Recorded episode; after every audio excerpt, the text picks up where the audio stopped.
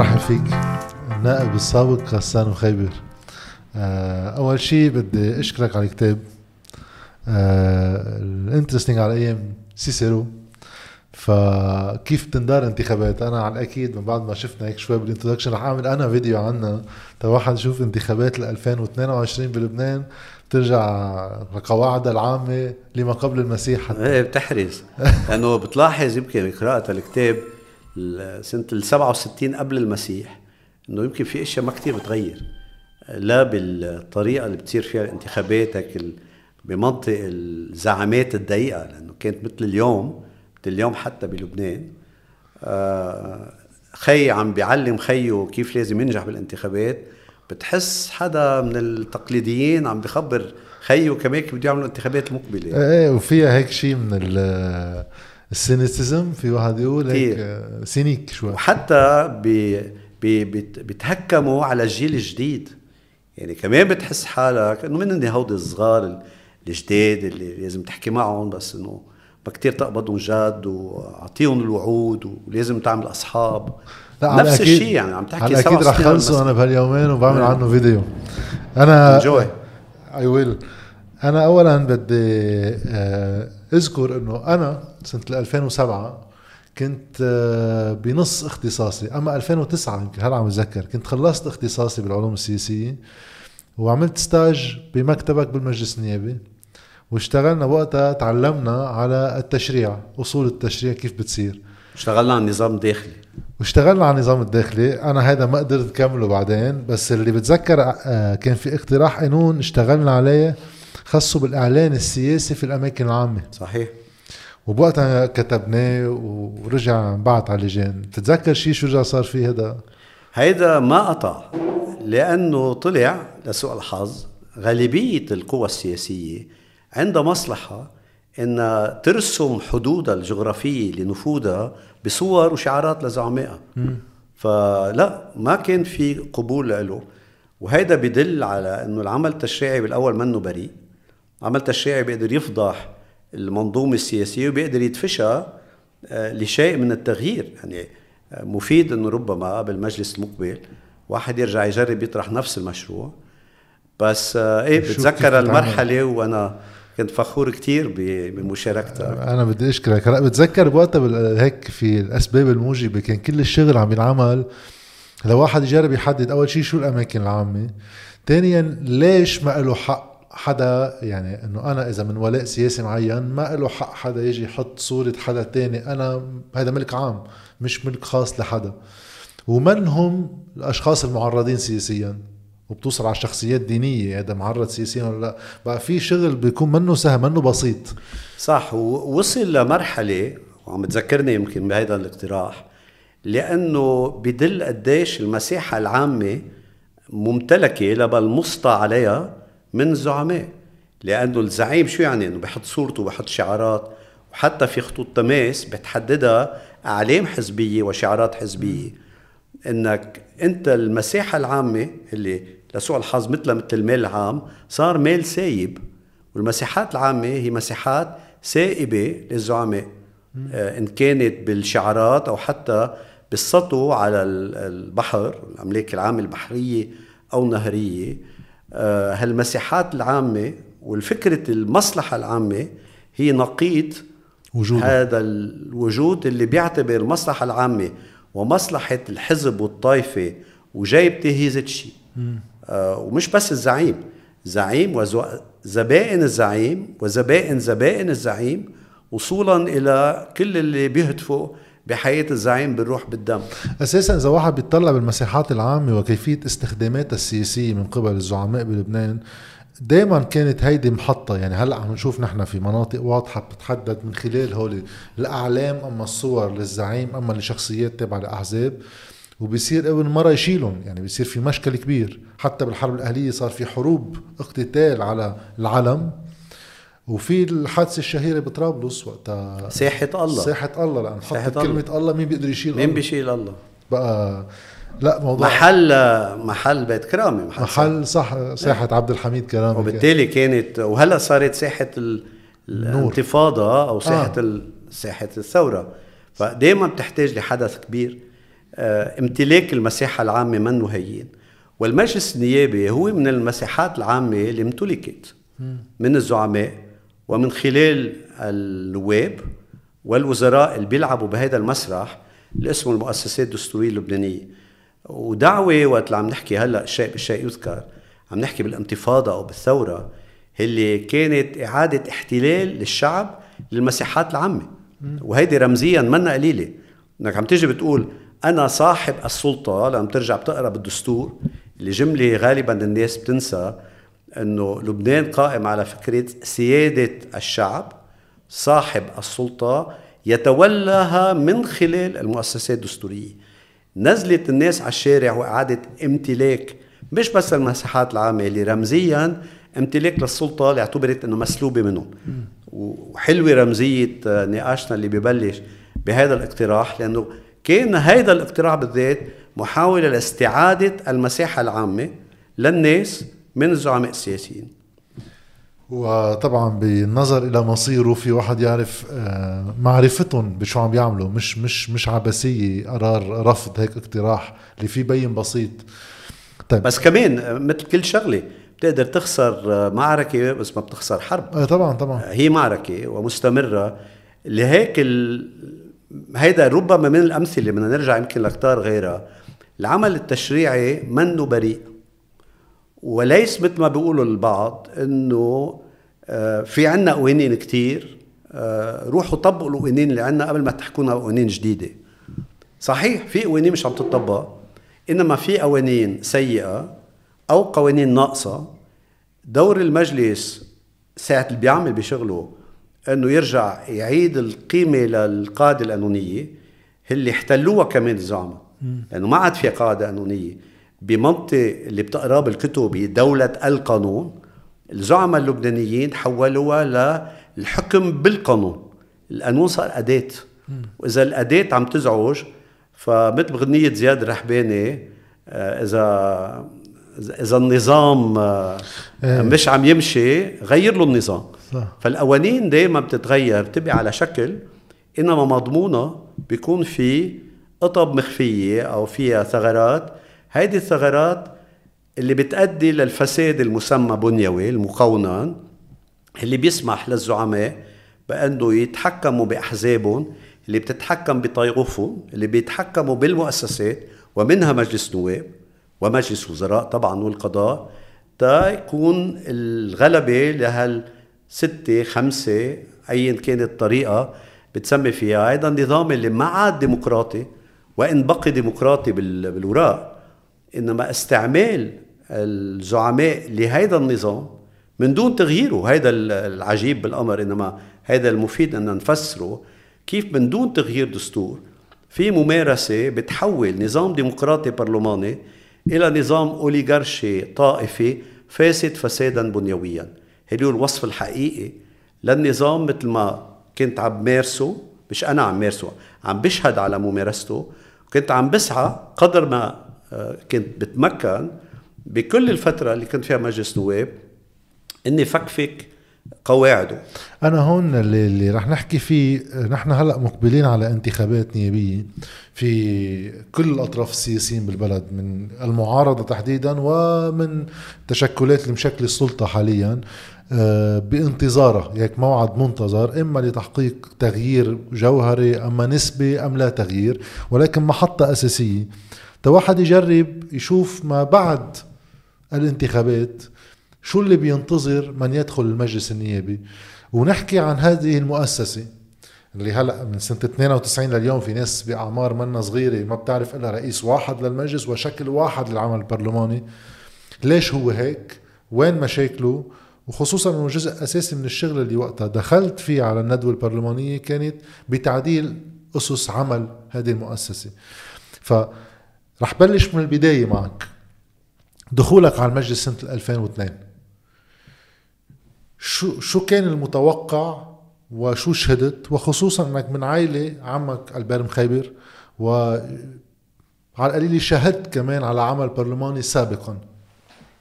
ليك عمي أكيد البير مخيبر ومدرسة كبيرة تعلمت على يده لأني عشت بالبيت مع عمي بي.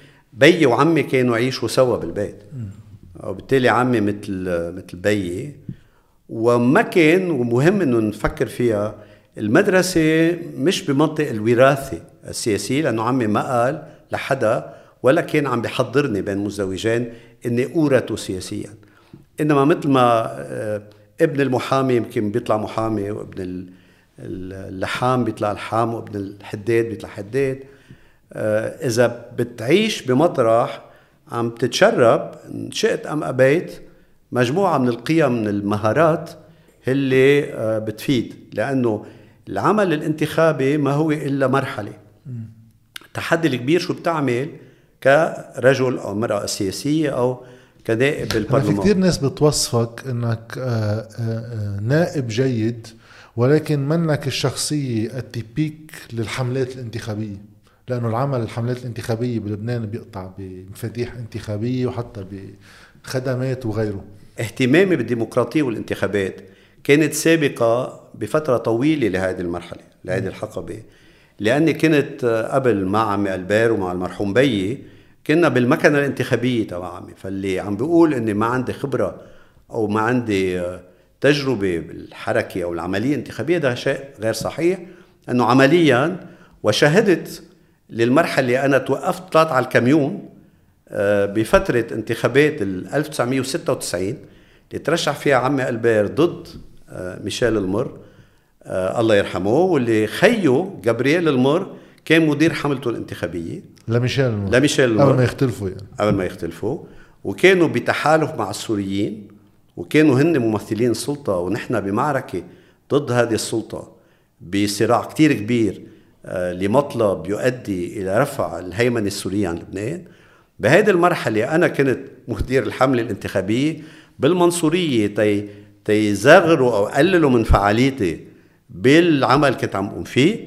ضبوني على الريو ووقفوني بمركز الجيش. أوف. أنا رح يعني باللي حكيته في هيك شيء بيرجعنا على المحل اللي كنا بدنا نبلش منه. مجلس النواب وأدواره وقت عم تحكي عن استغراب. في استغراب لفكرة إنه في مجلس نيابي بتفوت عليه في رئيس مجلس لا يتبدل. وفي استغراب أيضا لأدوار الهرمية اللي جواته هذا المجلس كيف بيشتغل؟ لأنه أوكي في رئيس المجلس ساعات اللي بده كأنه في عنده سلطة مطلقة. ساعات اللي بده بسكر المجلس لفترات طويلة ساعات اللي بده يعقد المجلس. حتى في قوانين بتنحط تنبعث للجان في قوانين ما بتنبعث للجان وبتعلق بمحل بالنص. بعدين في اللجان نفسها اللي هي صارت هلأ محل الظهور. ما بعرف شو وضعيتها القانونية فعليا هالقد كبير هو ولا المفروض يكون شيء أصغر. وبعدين في آه، آه، الهيكلية الإدارية تبع المجلس. اللي نحن وقت كنا نفوت نغطي جلسات ما بنعرف مين وين شو بيعمل ما بنعرف عدد هول الموظفين ولا شيء تنبلش من هون شو هو هيك هالمشهد الفوضوي اللي بنشوفه بمجلس النواب وشو أسبابه؟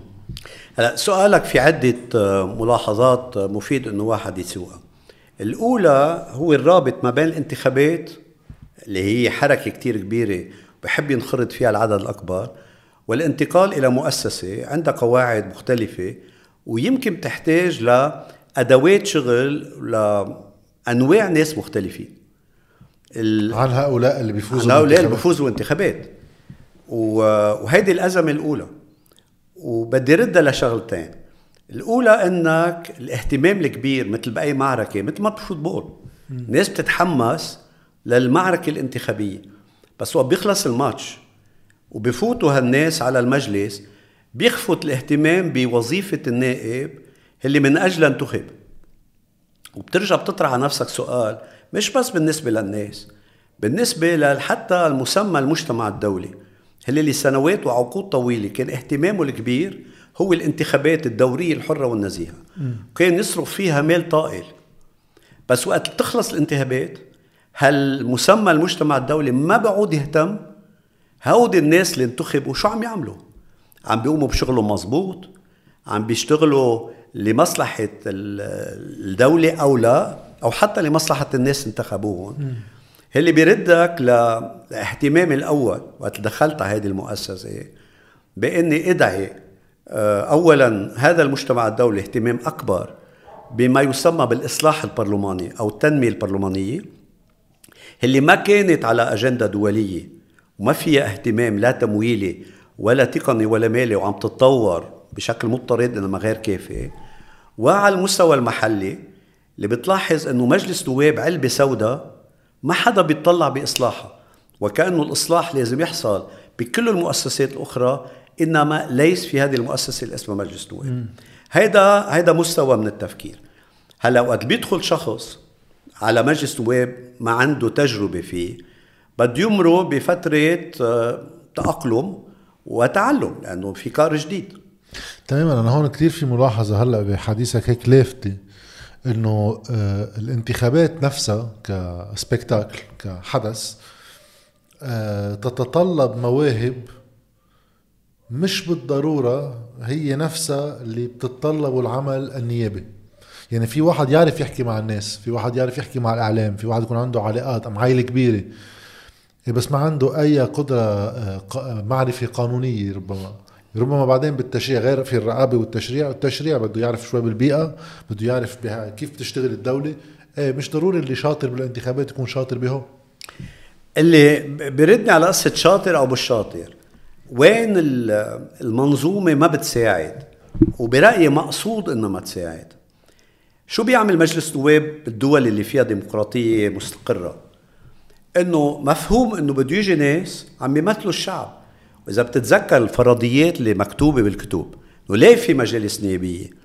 مجالس نيابية لأنه ما فيك تدعي كل العالم يصوتوا لقوانين أو يراقبوا عمل السلطات ويراقبوا الماليه العامة.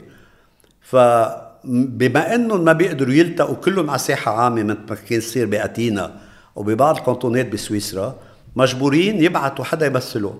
لمؤسسه لهيك تتسمى الديمقراطية التمثيلية. أنا بعت ممثل عني اللي بينقل فيها الحوار من الشارع للداخل المؤسسات وبمنطق مثل المنطق اللبناني بينقل فيها الصراع من الشارع من الخارج إلى داخل المؤسسات على فرضية إنه المؤسسة بتضبط الصراع بإطار آه، قواعد وهذه القواعد في لها أدوات لحل الخلافات بطريقة سلمية. سلمية من دون ما تلجأ لحروب أو صراعات آه، كبيرة. هي فرضية المجلس. وبالتالي نعم أنت ما انك محتاج بالضرورة لفقهاء بالقانون لفقهاء بالبيئة أو بالعلم المالي أو الضريبة. فكرة المؤسسة إنك تعطيك هالخبرات. ويكون عندك جهاز إداري. هالجهاز الإداري مساعد للنواب اللي بدهم يجوا. هل بالمجلس النيابي بلبنان في هذا اللي مش موجود. هذا اللي مش موجود لأنه اللي اكتشفته بمجلس نواب وهذا مختلف بمجالس نيابية أخرى. تبلش لك بالوظيفة الأولى للبرلمانات. شو هي الوظيفة الأولى؟ لنشأت البرلمانات. هي للرقابة المالية على كيفية صرف الأموال العامة المجباة من الناس.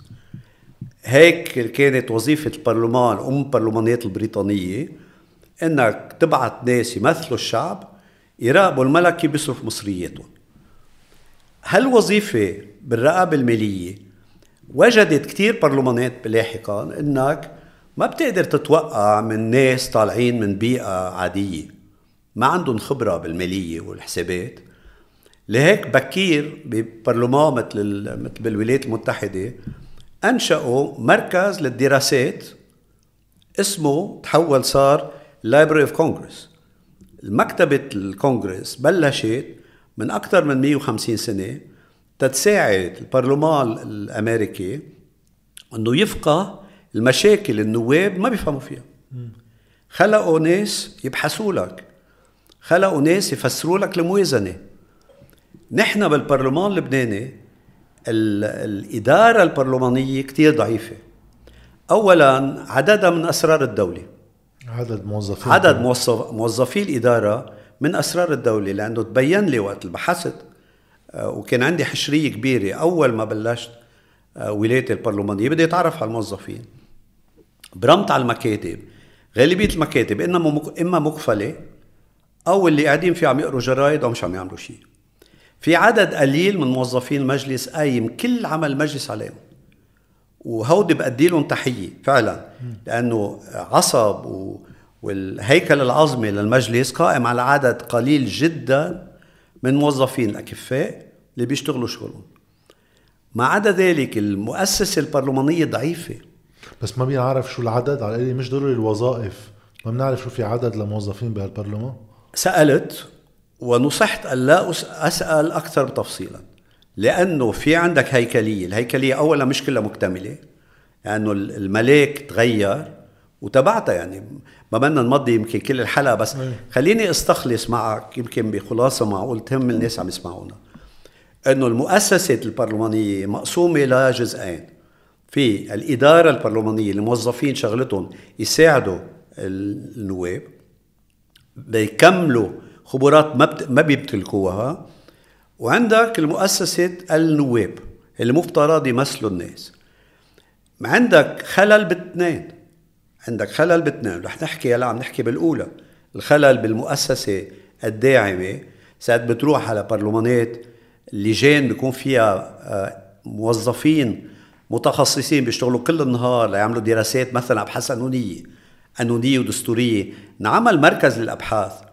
بس إلى حد كبير رأيي إنه منفصل عمل مركز الأبحاث عن عمل واهتمام النواب خصوصي الاهتمام الآني. لسبب النواب بدهم يتكلوا صاروا يتكلوا إما على قدراتهم الذاتية وبيتكلوا النواب على قدرات بعضهم البعض. يعني أحد زملاء النواب كان يفهم لأنه شغلته البترول. فبهذا الموضوع بتسأله.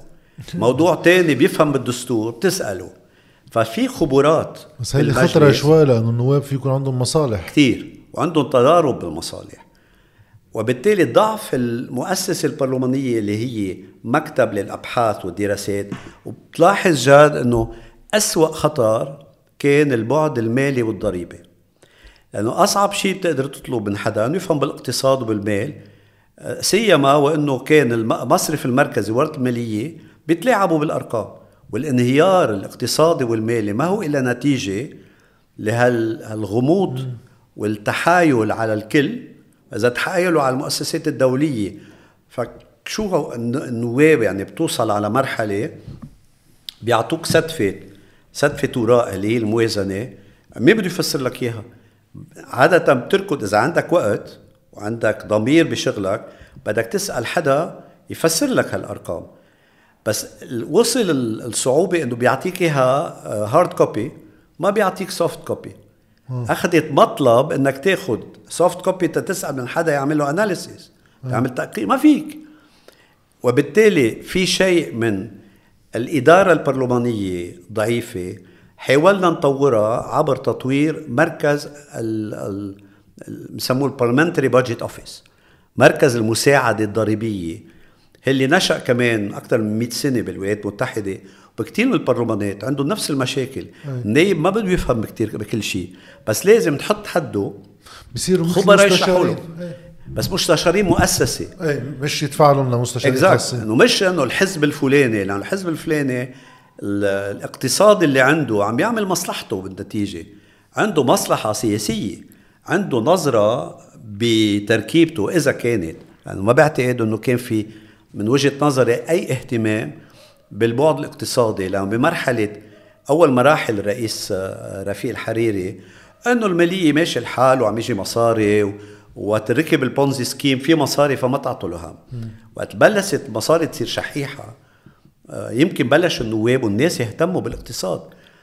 كنت أنا عندي هيدي الحشرية اسأل أصدقاء اقتصاديين يعني عملوا مجموعة صغيرة بين بعضكم تشرحوا لنا شو عم بيصير. إلى مرحلة إنه واحد بتقر إنه ما في حدا عم بيشرح لي فواحد بيهتم باللي بيهمه وأنا لأني كنت قانوني ومحامي اهتميت بالمجالات اللي كنت أنا أفهم فيها وأشتغل عليها. بس هيدا بيقول لك قديش المجلس ما عم المؤسسات البرلمانية مشكلة. ولجنة الإدارة والعدل فيها موظف عمليا موظف اللي هو أمين سر اللجنة. كل جهده كان يروح بكتابة المحاضر إرسال الدعوات. وبنرجع لعمل اللجان ضئيل وقليل. فالمؤسسة البرلمانية كإدارة فيها إشكالات كتير كبيرة. العمل على تطويرها آه، خضع لمجموعة من البرامج. وحدة منها أنا استفزيت سفارة الاتحاد الأوروبي لما بينت لهم قديش البرلمان ما بيقدر يتحول إلى سلطة فاعلة إذا ما تمكن من تطوير مؤسساته لا سيما عمل الإدارة البرلمانية وحطوا شوية مال لتطوير الإدارة البرلمانية بما فيها تطوير ال parliamentary budget office اللي جرب لفترة وجيزة جدا إنه ينشأ بسرعة آه، فشل. فشل لأنه اجى تحت سلطة المجلس النيابي بالذات. آه، تجربة أخرى حاولنا نعملها هو الربط. لأنه النايب ما عنده قدرة يوصل لخبرات ونخلق بيت خبرة إذا مش بمجلس نواب مرتبط بما يسمى المجتمع المدني أو الخبرات متوفرة بالمجتمع. هيدا مشروع بدأته قبل ما أكون نايب. بدأناه قبل ال 2002 بشيء بموديل أنا سميته intelligent mailbox علبة البريد الذكية. بمعنى إنك بتشوف بالمجلس شو في حاجات وبالمجتمع شو في حاجات. وبالمجتمع شو في طاقات وأفكار وإمكانيات تتقدر تسد أو تعطي أفكار للمجلس. هالحوار الكتير مهم بغياب الطاقة الذاتية بالمجلس للبحث وللدراسة ولمساعدة النواب لأنه ما كان في إلا النواب الأغنياء بيقدروا يكون عندهم مستشارين. أنا ما كان عندي إمكانيات قدرت ساعدت حالي بمشروع متدرجين. أي. وإنت جاد كنت من المتدرجين اللي اشتغلوا. وقت نزلنا على مكتبة المجلس وكان المشهد مش كتير مشجع. ما حدا بيقعد. يعني أول شيء ما حدا بيقعد ثاني شيء البحث بياخذ كتير وقت. هلا على أيامي كان بوقتها ما بعرف إذا صار في شيء شوي soft copies لأرشيف المجلس تا واحد يقدر يسهل عليه البحث. وكتير مشخصن المجلس. يعني كان جوات المكتبة في صور نبيه بري يعني جوات مكتبة المجلس. آه، على المدخل في صورة رئيس نبيه بري على المدخل الحرس وبمكاتب الإدارية لا وبين الكتب يعني. يعني شيء شيء كأنه واحد مكتب حزبي. بس لأنه ما حدا بفوت. أه؟ أنت بتعرف جد لأنه اختبرت أساسا وقتها فتنا يعني كان ترحيب فينا إنه أهلين يعني هو وكنت ليه أنا بستعمل المكتبة. والمكتبة انفتحت بعدين على الباحثين والناس بس. بس تنرجع للفكرة الرئيسية. بس على فكرة أنت كنت من القليل بيستعمل مكاتب المجلس أصلا لأنه وقت كنا نروح نعمل مقابلات مع النواب. أغلب المقابلات يا بتكون مكاتبهم يا ببيوتهم. وقت ننزل نعمل مقابلة معك كنا ننزل على مكاتب المجلس. فعليا ما في حدا بالمجلس. إيه؟ كان في بناية طويلة عريضة هي للجان ولا مكاتب النواب. أغلب الوقت لأغلب النواب هي ما في حدا.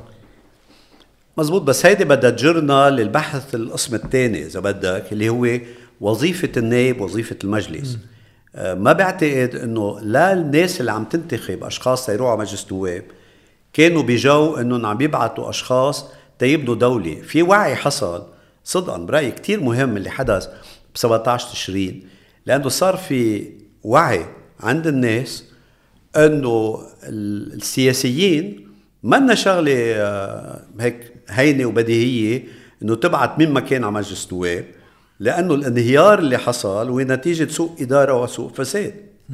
وبالتالي عم عم عم ببحث معك بس بقصور المؤسسة البرلمانية قيامها على أفراد وعم جاوب بشيء من الجهد اللي سعيد إني أعمله ولازم يستمر لأنه الإصلاح البرلماني والتطوير البرلماني جزء من إصلاح الدولة تمام. اللي قليل ما في انتباه له أو اهتمام فيه لأنه مثل علبة مقفلة عادة بيطلعوا بالمجلس إنه بيمشي لحاله وماشي الحال مش مزبوط بس أنت حكي كمان إنه طبعا التقصير بالبناء المؤسسي للمجلس منه تقصير بريء لأنه عم ينصرف مصاري بالتوظيفات بالمجلس ولكن مش عم ينحط هيكلية لتشتغل كمؤسسة. ومن ضمنها آه، رواية عن حتى المتدرجين من بعثوا ليعملوا شهر تدريب برا واللي راح على فرنسا وبعدين أنت عرفت إنه باعتين حدا ما بيعرف لغة فرنسوية لا مش بس ما بيعرف لغة فرنسوية لأنه رئيس السنال الفرنسي كنا على عشاء كان عم يتذمر من إنه انبعت آه، موظف كبير مش حاذكر لا اسمه ولا وظيفته لأنه حينعرف ما له علاقة بقدر شير بس إنه هو حكيم اسنان بمهنته.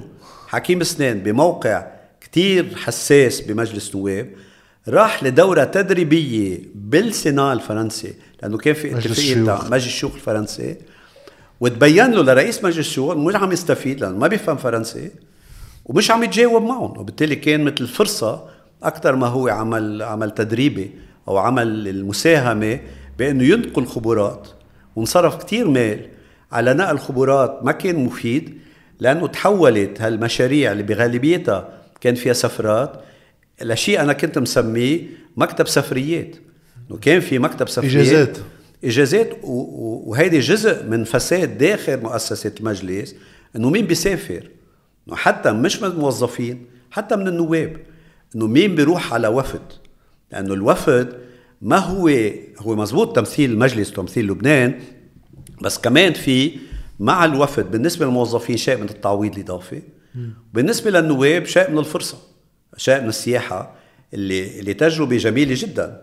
بس حتى هي وهذه بتلاحظها في كتير نواب كانوا يعترضوا إنه ولا مرة كانوا يندعوا لسفرة.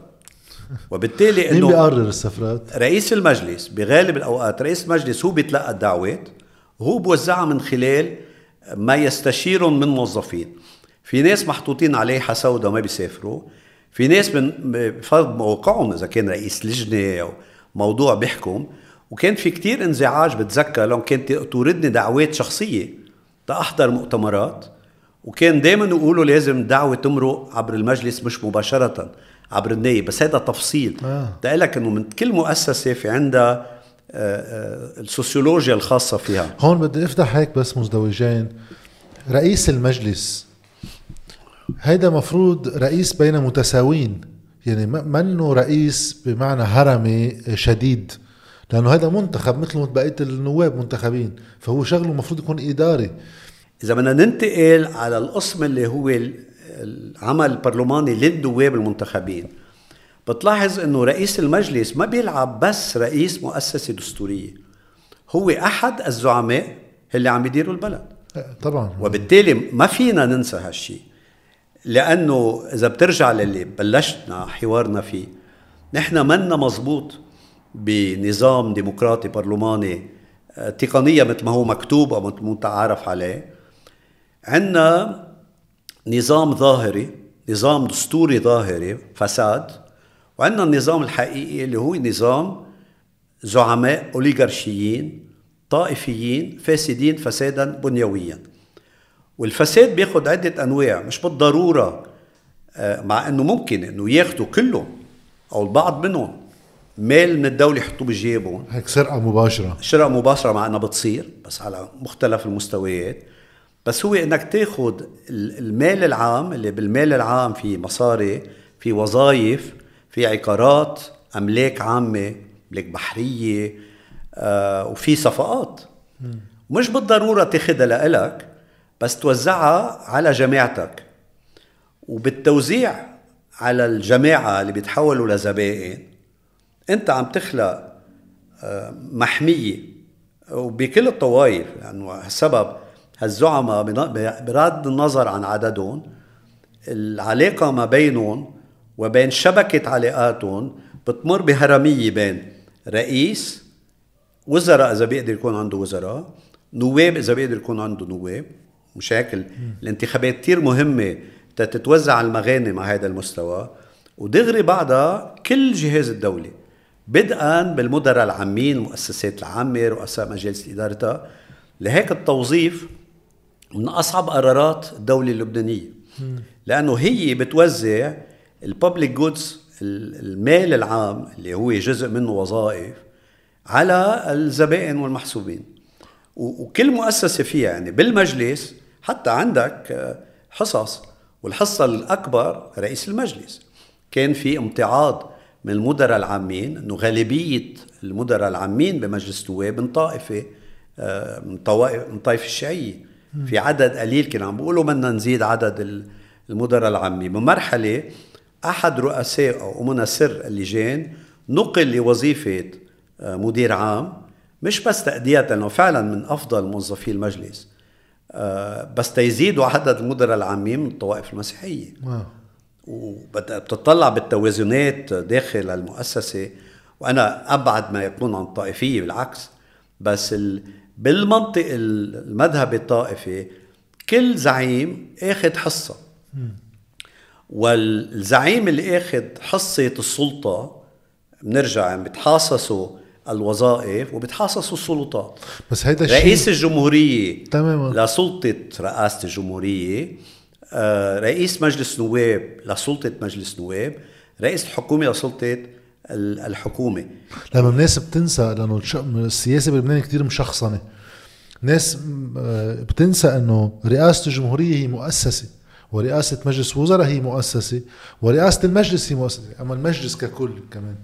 فهلأ مثلا السرايا الحكومة مفروض يكون في مؤسسة عم تشتغل لرئاسه مجلس وزراء ولا مجلس وزراء. ونفس الشيء بالمجلس. في مؤسسة جاد. ما هو اللي عم بقول لك مثل الدستور مثل كل شيء. عندك شكل. إنما هالشكل طوع. بتطلع مثل عندك تعوجوا. شكل. لا ما بيتعوج من برا. من برا في شكله منيح. في جهد للمحافظة على الشكل. إنما جواته بالداخل جوا في عندك شرايط. مثل عندي كان مشكل مع مع السنجري. ركب لي شرايط ما بتعرف كيف و- واساطر ما بتعرف وين ببلشوا وين بيخلصوا. اللي بيعرف بس اللي ركبهم آه. وإذا إذا راح السنجري وطافت المي خرب البيت. اللي صاير إنه عندك ناس تملكوا فعلا هي خبرة هائلة إنه كيف تتوزع كل هيدي المغانم جوات الدولة. لأنه الدولة قائمة الدولة اللبنانية هو نظام. نظام بيشتغل بشكل غير المكتوب على الورق. غير مكتوب. ما هو هيدا الشكل الخارجي. الشكل الخارجي. جوا حتى المؤسسات تتطوع وهذا اللي بيسمى الفساد المقونن الفساد البنيوي. في عندك هيك قطب مخفية. قطب مخفية ما بيعرف القطب المخفية إلا اللي حاكى أو اللي فكى. مجلس نواب قلت لي primus inter pares هو المتساوي بين ال... لا مش مزبوط بالممارسة لأنه مش مزبوط بالممارسة هو بنفس الوقت رئيس المجلس اللي الدستور والنظام الداخلي بيعطيه سلطات خاصة فيه. بس هيدي السلطات الشكلية عم بيعززها بدوره كأحد الزعماء اللي بيتقاسموا السلطة. تماما. إيه؟ وبالتالي المجلس كيف بيشتغل؟ ما هو قائم على وهيدي فيك تفكفكها واللي حاولت فكفكها بال بالشيء سميته الإصلاح بالتسلل. دغري وقت فت على المجلس كنت من الملاحظين مش بس إنه ال- الإصلاح الإداري لازم يبدأ بالبرلمان وعملت وساهمت وساعات سعيت إني أساهم بالإصلاح البرلماني والتنمية البرلمانية إنما بالإصلاح الأكبر اللي هو بالنظام الداخلي. وأنا أزعم أنت قدمت تعديل للنظام الداخلي. آه، في في روايتين حابب أسمعهم منك عنه. مم. أول رواية اكتشافك آه، إنه كان في لجنة للنظام الداخلي واختفت مع الوقت وهيدا كانت محل يعرقلوا لك إياها. وثانيا بشيء أنا حضرته وقت كنت أحضر جلسات المجلس النيابي تغطية إنه آه، رئاسة المجلس ما كتير حابه بوجودك يعني يعني أكيد. حتى بطلب الكلام حتى بالتعامل آه، هيك محاولة ضبط القدرة على التصرف والتحرك. نبلش من الأول آه، اقتراح القانون اللي قدمته لتعديل النظام الداخلي. وشو قصة اللجان النيابية كهيك تخريجي هو لواحد يكب الموضوع؟ هلا خلينا يمكن نشرح للمستمعين المشاهدين بأنه شو هيدا النظام الداخلي إيه. مثل كل سلطة من السلطات الدستورية الدستور بينظمها بيقول لك كيف تشتغل سلطة مجلس نواب سلطة مجلس وزراء ورئاسة الجمهورية ومتروك السلطة القضائية فلتانة شوي. أيه. لأنه بوقت ما انكتب الدستور ما كان مقبوض جد إنها هي سلطة. إيه. وعم بتصارع تتحول إلى سلطة دستورية. بس هيدا موضوع آخر. مجلس النواب كسلطة بيتنظم من خلال نص اسمه النظام الداخلي. بس هيدا النص منه قانون. بالتجربة اللبنانية هيدا النص بيصوت عليه مجلس النواب لا ينشر بالجريدة الرسمية وبالتالي لا يطعن فيه أمام المجلس الدستوري. والمجلس الدستوري اللبناني نظر أكثر من مرة واعتبر إنه ما بيقدر ينظر بالنظام الداخلي لإبطال أحكامه لأنه منه من القوانين القابلة للإبطال. وهيدا جهد لازم يحصل لأنه النظام الداخلي اللي هو من أهم الأنظمة المنظمة لسلطة وهذا بردني كمان للنظام داخلي لمجلس وزراء. لأنه وحدة من أسباب استقالة رئيس حسين الحسيني من مجلس نواب إنه مجلس الوزراء منه منظم بقانون اللي بيحدد نظامه الداخلي. هلأ لا نظام الداخلي لمجلس نواب لأنه آه، بينظم طريقة عمل النواب مع بعضهم البعض التقليد القديم لأنه أم البرلمانات كان البرلمان البريطاني آه، أخذوا هن والأمريكان والنظام الأنجلو أمريكي قائم على فكرة أنه تقريبا في عندك برلمانات كل سنة بيجددوا نظامهم الداخلي أول عمل بيقوم فيه مجلس نواب أنه بيصوت على نص اسمه النظام الداخلي. ليش؟ لأنه النظام الداخلي دائما متطور على ضوء الحاجات. لهذا السبب بكل برلمانات العالم في لجنة اسمها لجنة النظام الداخلي. اللي بالبرلمانات اللي بتحترم حالها هيدي من اللجان كتير مهمة. لأنه عمل المجلس والصعوبات اللي بتحصل فيه وفي إشياء تفصيلية ما له حق النائب يحكي نعم. هودي كله بيتحددوا بالنظام الداخلي بيصوت عليه المجلس بأول كل دورة. بالمجلس النيابي اللبناني لجنة النظام اعتبروا إنه ما عندها كتير شغل. فوقت الله يرحمه النايب آه، آه، مغيزي جوزيف مغيزي كان طرح إنه يعمل لجنة لحقوق الإنسان. وحتى وجدوا إنه ما بتحرز لجنة لحالها.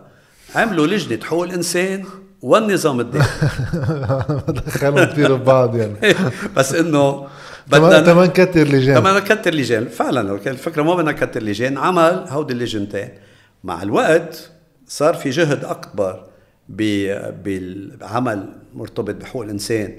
بفعل من ترأسها آه، الراحل جوزيف مغيثي بحييه وبحيي روحه لأنه كان عنده دور كثير مهم بإدخال فكرة حقوق الإنسان على مجلس النواب آه، وكان نقطة مضيئة لهالجهة. بترجع وقت ما عاد في حاجة ما عادش في طب بال بال بالتعديلات اللي اللي صارت. عم نعمل لجان لأنه صار في تعديل للنظام الداخلي وقت انتقل الرئاسة من رئيس حسين الحسيني إلى رئيس نبيه بري إنه شيلوا هيدي اللجنة بتصير لجنة حقوق إنسان لحالها بطل في نظام داخلي. بطل في نظام داخلي.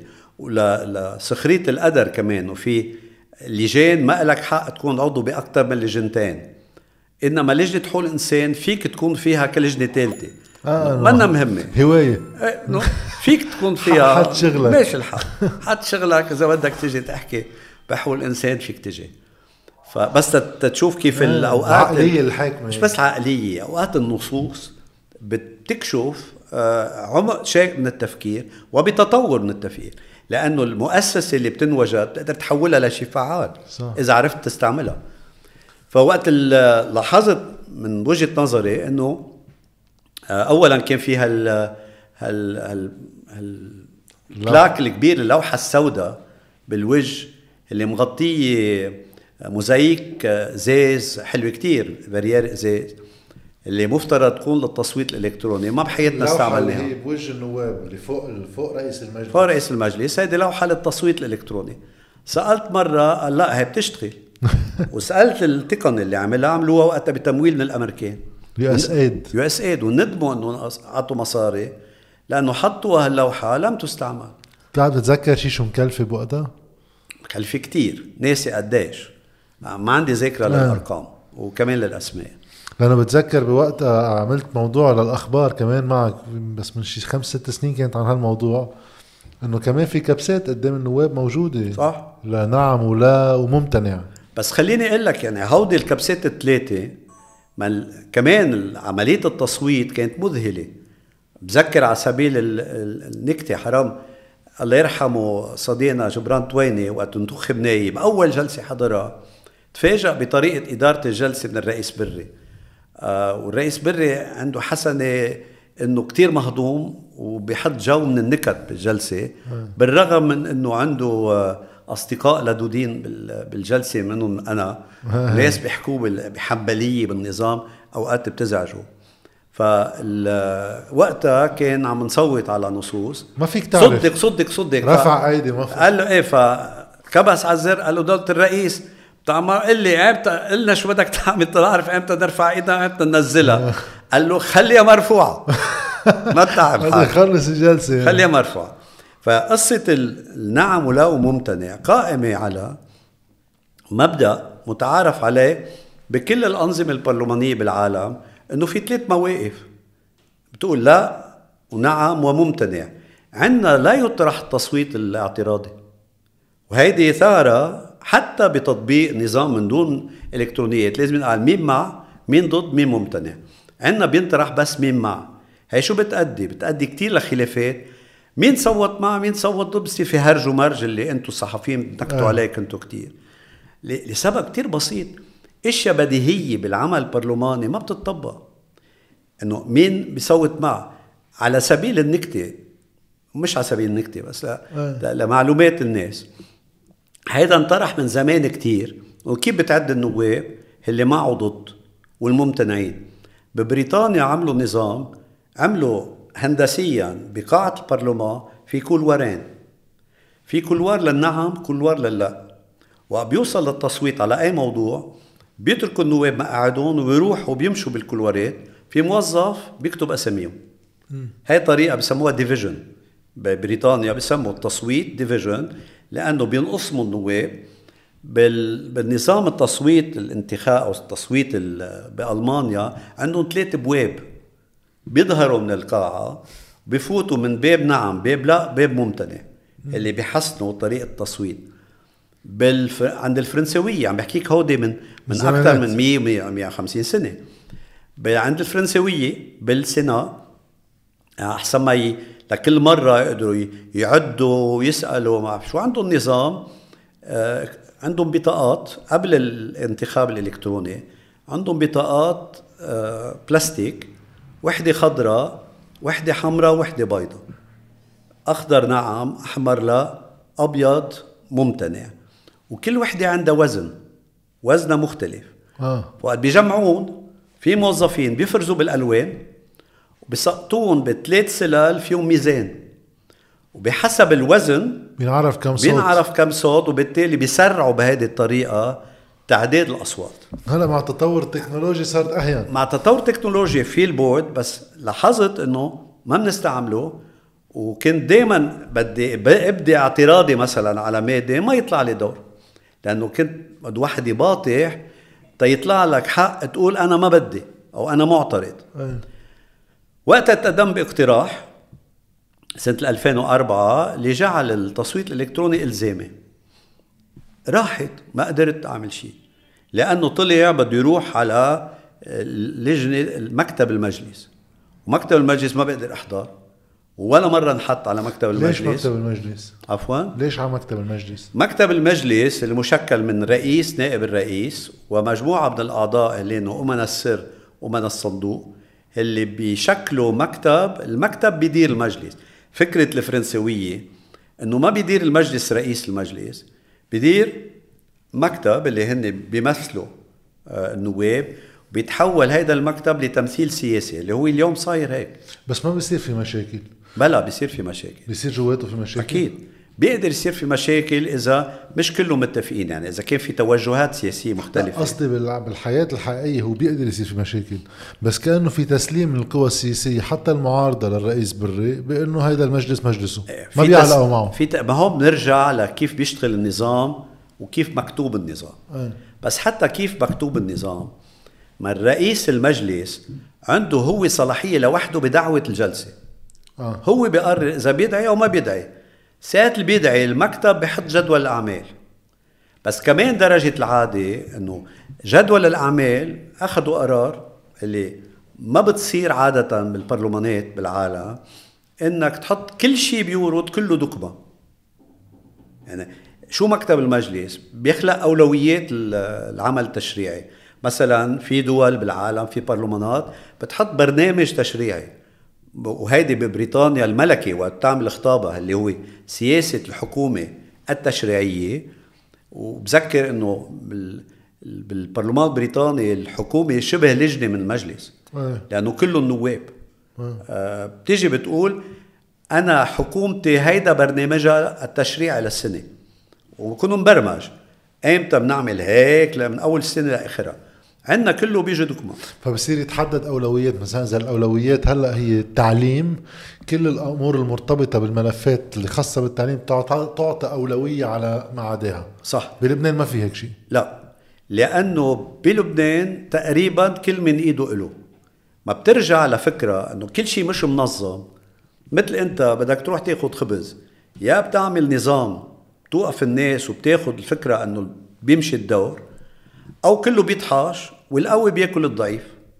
واللي بيعرف هذا اللي عم بيعبي بنزين اللي بيعرف بيمشي حاله قبل غيره واللي بيدفع بيمشي حاله قبل غيره. المؤسسات الغير منظمة هي قائمة على هيدي الفكرة إنه ما بتمشي على قواعد بقدر ما بتمشي على تسويات. طيب ليش بيصير في مشاكل دائما على قصة جدول أعمال المجلس؟ طالما المفروض القوى السياسية أغلبها ممثلة بمكتب المجلس. هلا مش كل مش دائما هيك لأنه بانتخابات 2005 بسبب الخلاف اللي صار ما بين الأكثرية والتيار الوطني الحر اللي صار تيار الوطن الحر الكتلة التغيير والإصلاح أقصت هذه الكتلة بالرغم من عددها من أي تمثيل بمكتب المجلس. أساس. قصص م- آه، وبالتالي الأكثرية قصصت بقيت هالكتلة. خلال أربع سنين كاملين؟ إيه إيه أربع سنين ما في حدا. وبال 2009 رجع صار في حدا. آه صار في بس في قصاص يعني إيه. القصاص عندك الأنظمة اللي بتنظم المكتب في حق للكتل. ليه بتتنظم الكتل ككتل؟ لأنه بحسب حجمها عندها حقوق بإدارة المجلس. بلبنان في هيك شيء؟ لا عم بحكي بالأنظمة المقارنة. لأنه أنا بلبنان آه، الكتل هي شيء ما رمزي. لا بس عم لك عمليا هيك بيصير الكتل منا رمزية لأنه مقسومة طائفيا. لأنه ح- اللجان مقسومة طائفيا. نص إسلام نص مسيحية ونسبيا بين الطوائف. لجان المجلس. لجان المجلس رؤسائهم ومقررينهم. وتوزيعها بتصير موضوع مفاوضات كتير كبيرة بتوليها رئيس المجلس اللي بيعمل هو الوسيط. بس ولا مرة بصير في انتخابات جدية عليها لا لأنه بصير في تفاهمات تسبقها آه. يعني أنا ولا مرة طلع لي اترأس لجنة الإدارة والعدل لأنه هيدي من حصة الكويتلي دايما؟ إيه؟ رئيس هيدي اللجنة مساقبه طالع من حصه كاثوليك. زميلي اللي بحييه آه، دكتور ميشيل موسى كاثوليك بيترأس هيدي اللجنة. أنا بيطلع لي مقرر. ما ما ساقب وحتى بكتلتي ما حدا عامل معركة تكون بأي لجنة. آه، هو هذا. كمان شيء لافت. آه، رح نوصل له بعد شوي تنضلنا بقلب المجلس لأنه آه، علاقتك بالنواب بشكل عام وبعدين بالكتلة اللي كنت فيها. كأنك كنت دائما هيك شيء لحاله. عم بيشتغل. أيام تخلق تفاهمات على قضايا محددة بس ما في قضايا تفاهمات سياسيه ثابتة. بس بدي أرجع فشخة شوي لورا. عم نحكي نحن عن مجلس نواب وعم نحكي عن رئاسة مجلس نواب مكتب مجلس نواب وفي اللجان. كنا عم نحكي عن تعديل النظام تعديل وأهميته النظام الداخلي. وأهميته. بقى آه اللجان في محل كمان آه انت بتعرف أكثر بشو حدود صلاحية اللجان بقلب هذا المجلس. بس هلا ما بنشوف إلا لجان بعض اللجان. مثلا في لجنة مال الموازنة بيحضر إبراهيم كنعان وين ما كان وكل الوقت. بس بوقت شو هي مهمة اللجنة؟ هو منه بموقع هالقد مفروض يكون بارز. إذا واحد بيقرأ النظام الداخلي بس بالواقع بنلاقيهم محل بارز. في بعض اللجان بتختفي وما بنسمع عنها شيء. إيه. ليش بارز؟ لأنه المؤسسة اللي آه لازم تاخد الأضواء كلها اللي هي الهيئة العامة دورها شبه آه خليني أقول مم، ضمر أو خفت آه بسبب من المنظومة اللي ما عندها مصلحة يكون في جلسات لأداء وظائف المجلس الرقابية. هون عم نحكي الهيئة العامة يعني مجلس نواب النواب مجلس نواب يجتمعوا. بهيئته العامة. لهيك زاد عمل اللجان. خلينا نرجع نتذكر هون بفشخة لورا صغيرة إذا بتسمح لي. لا بس لنختم قصة نظام داخلي رسالتي لكل اللي عم يسمعونا جد ورسالتي لك وبتعرف إنه هيدا جهد منه تفصيلي تعديل النظام منه تعديل بموازين القوى بين السلطات ولا بين الزعماء الاوليغارشيين الزعماء ما حيتأثروا بس دعوتي كانت دائما. لكل الكتل النيابية إنه الدولة عندها مصلحة يكون في عندها مجلس نواب منظم بشكل مقبول. بدي أعطي مثل بسيط. أعطينا أمثلة على اللي قلناهم بس بالرقابة البرلمانية. وظيفة المجلس والنواب شو؟ كمان بالأدبيات المجلس النيابي وظيفته التشريع ورقابة وكمان وظيفة ثالثة يسم بتسمى وظيفة التمثيل. شو وظيفة التمثيل؟ إنه بيعبر عن رأي الناس اللي يمثلوا. أن يمثل وجهة نظر الناس اللي انتخبوه أو يمثل وجهة نظر الأم جمعاء لأنه النايب يمثل الأم جمعاء لا طائفته ولا دايرته بس. عنده وظيفة رابعة اللي وظيفة بالانتخاب. بالواقع شو وظيفة النايب الرئيسية بلبنان؟ لا الأولى ولا الثانية ولا الثالثة ولا حتى الرابعة. وظيفته الرئيسية الأولى هي الخدمات. النايب ينتخب تيأدي خدمات. اللي هي إعادة توزيع مثل ما حكينا مغانم السلطة بالسلطة اللي هو ممثل فيها اللي مجلس نواب إعادة توزيعها على الناس. وهو معقب معاملات بكتير من أشياء. هو حاضر لدفونة ومناسبات اجتماعية. هو الرابط ما بين الزعيم واللي بيمثل حزبه والناس. لأنه الفكرة قائمة على أنه هذه الزعامة اللي مزبوط مرتبطة بالفساد البنيوي للدولة بتمر عبر الناس بيشتغلوا لها. اللي بده يشتغلوا للزعيم هن وزراء ونواب ومدراء عامين وقضاة وغيره. وظيفة النائب بتأدية الخدمات. ليش وظيفة النائب بتأدية الخدمات؟ بتعطل دور الرقابة. لأنه ساعة النائب شغلته يطلب خدمة بده يكون علاقتك منيحة مع الوزير اللي بده يعطيك الخدمة بده يربحك جميلة فيها. ما بده يربحك جميلة إلك بده يربح زعيمك أو رئيس كتلتك فيها خصوصي بوزارة الأشغال. لهيك الرابط هو رابط مرضي ما بين مجلس نواب ومجلس وزراء. هيدا ما كتير ببين للناس بعلاقات بين النواب الشخصية والوزراء تيقدروا يأمنوا الخدمات اللي الناس بتطلبها منهم. صح. فساعتها في واحد يتوقع حدود إمكانية معارضتهم لأي إجراء أما أداء بيمارسه هالوزير لاحقا. مية بالمية. ما هي اللعبة كمان جزء من اللعبة إنه بدل ما يكون المجلس هو رقيب على الحكومة صار المجلس عمليا لأنه بخدمة الزعماء ضابط الإيقاع الحقيقي ما هو مجلس الإدارة الغير منظور هي اللي مشكل من الزعماء. اللي إذا اتفقوا بيمشي حال الدولة وإذا ما اتفقوا بخرب. وفي قصة كمان بالحالتين حالة الناس بتخرب. إيه و... إذا اتفقوا بنخرب وإذا اتفقوا بنخرب. وفي شيء اللي هيك بجسد هيدي العلاقة هي هاي قلت لي عنها قبل الهوا عن موضوع المبلغ اللي بيطلع لكل نايب وقت يوص وقت يربح الانتخابات غير مع كل نايب كل سنة. كل سنة. كل سنة. آه. كل سنة. عنده موازنة. موازنة خاصة بوزارة الأشغال. مثل عندك ligne de crédit. إلك حق تصرفها على دايرتك. والرقم موحد على الكل؟ رقم موحد على الكل. بس في ناس بيقدروا يجيبوا أكتر. يعني أنت وشطارتك مع وزير الأشغال. في عندك قصة العلاقات. برجع لفكرة شو يعني هي هي مثلا في 100 مليون ليرة لكل نايب سنويا؟ تقريبا. إيه. في كان هيدا المبلغ. بنبسطها لأنه إيه. بذاكرتي.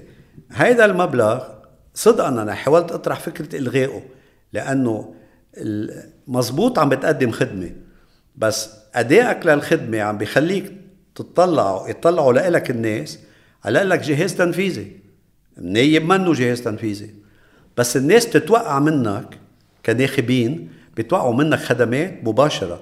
يعني إذا ما زفتت وسويت حفات وعملت أوتوسترادات وعملت منك خرج. لهيك بتلاحظ إنه في ناس بيجمعوا خدماتهم والمبالغ بيجمعوها بيصرفوها بفترة قبل الانتخابات. تيبينوا عم يصرفوا أكثر ليش فيك تجمع هالمبلغ؟ البعض كانوا عندهم إمكانية يدوروا هالمبالغ إذا كان علاقته منيحة مع وزير الأشغال. لهيك وزارة الأشغال كتير كتير مهمة لأنه من موزعي الخدمات على, على كل النواب.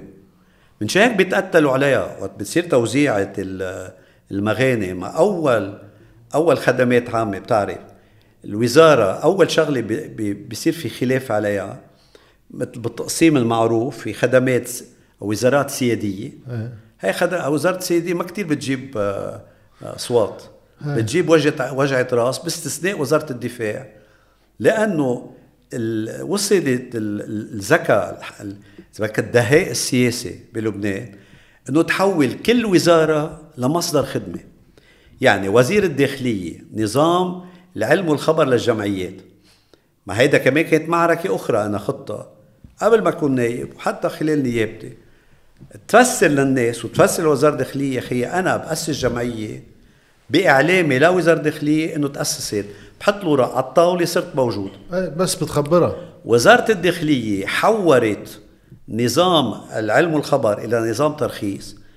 كل جمعية البلد تضطر تروح تطلب خدمة من الوزير.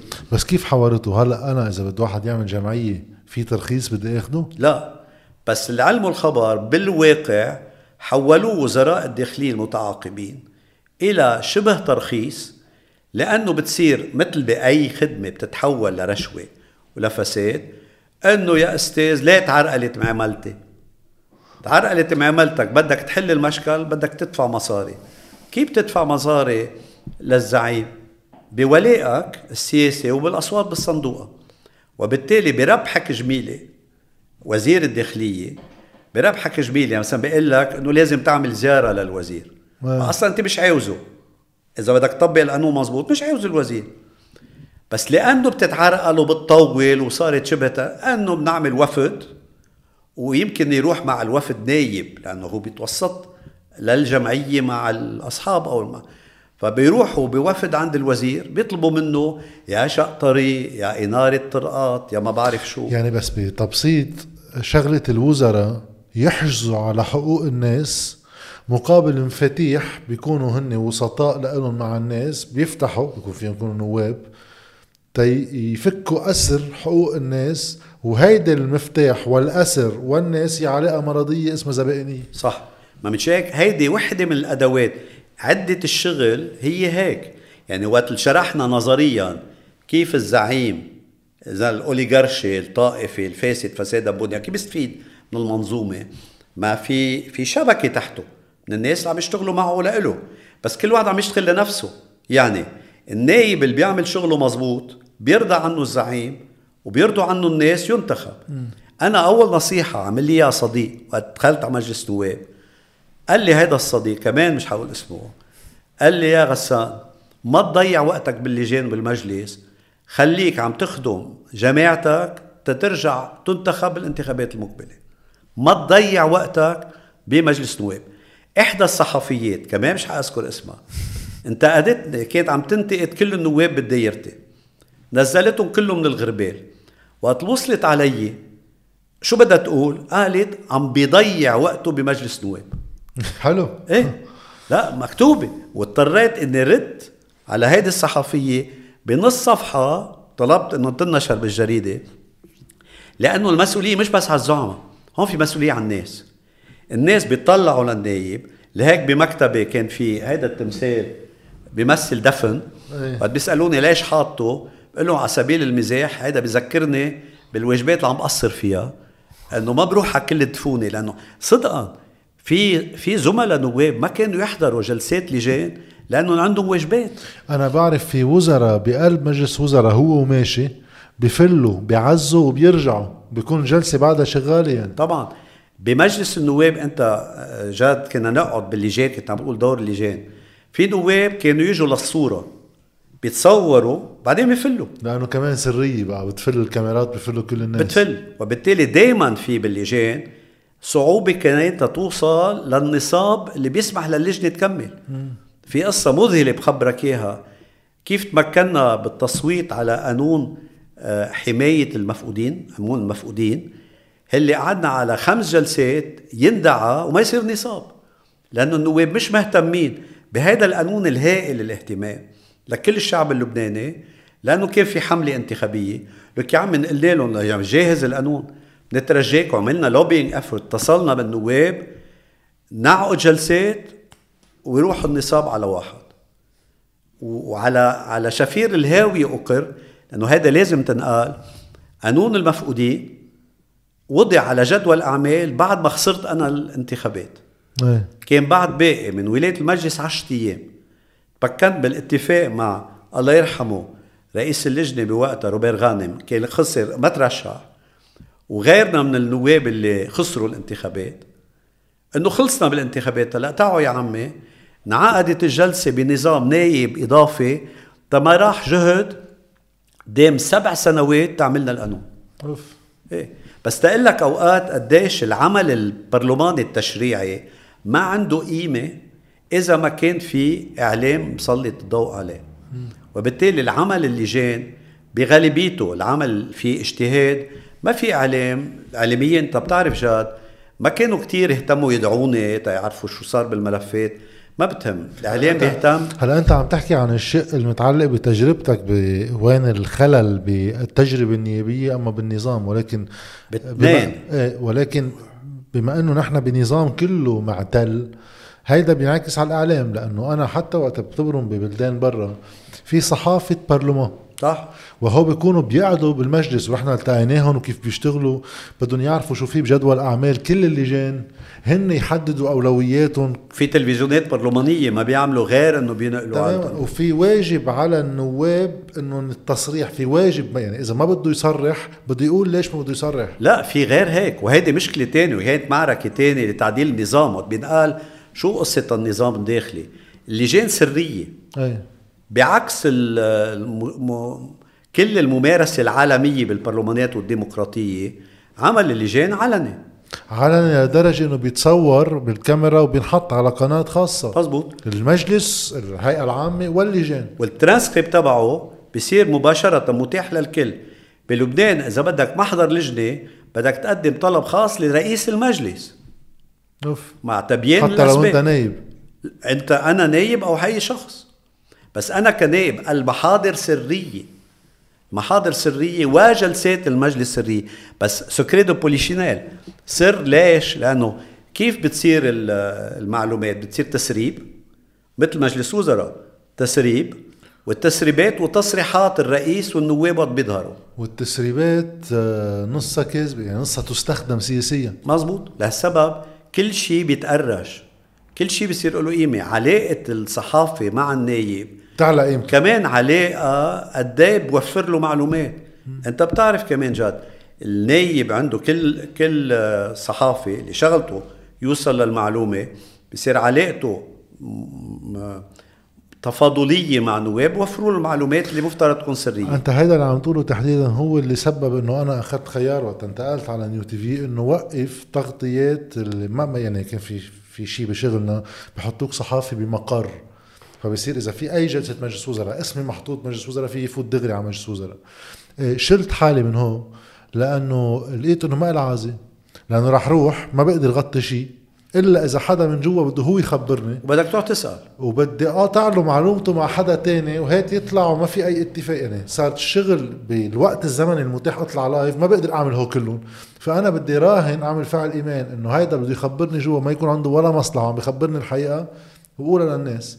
فمن هون بتخلق علاقة منا كتير صحية بين جزء كتير كبير من الصحفية والسياسيين جد هيدا الكلام يمكن اللي عم يتسمع بيقول لك عم يحكوا تقنياته أو أنا كنت مهتم بتقنيات. بس بدي ألفت نظر لشيء هل اللي حصل جعل إنه كثير من قوانيننا فيها ثغرات؟ كثير من قوانيننا تأخرت؟ العمل التشريعي ما كان عنده أولوية؟ وبعدنا لهلا يعني في أنا كنت من الأوائل اللي نشرت قائمة بالقوانين اللي كانت مقدمة ولم تصل لأي نتيجة. وقت اللي عرضتها سنة 1000 و 2010 كان تقارب 500 اقتراح ومشروع قانون.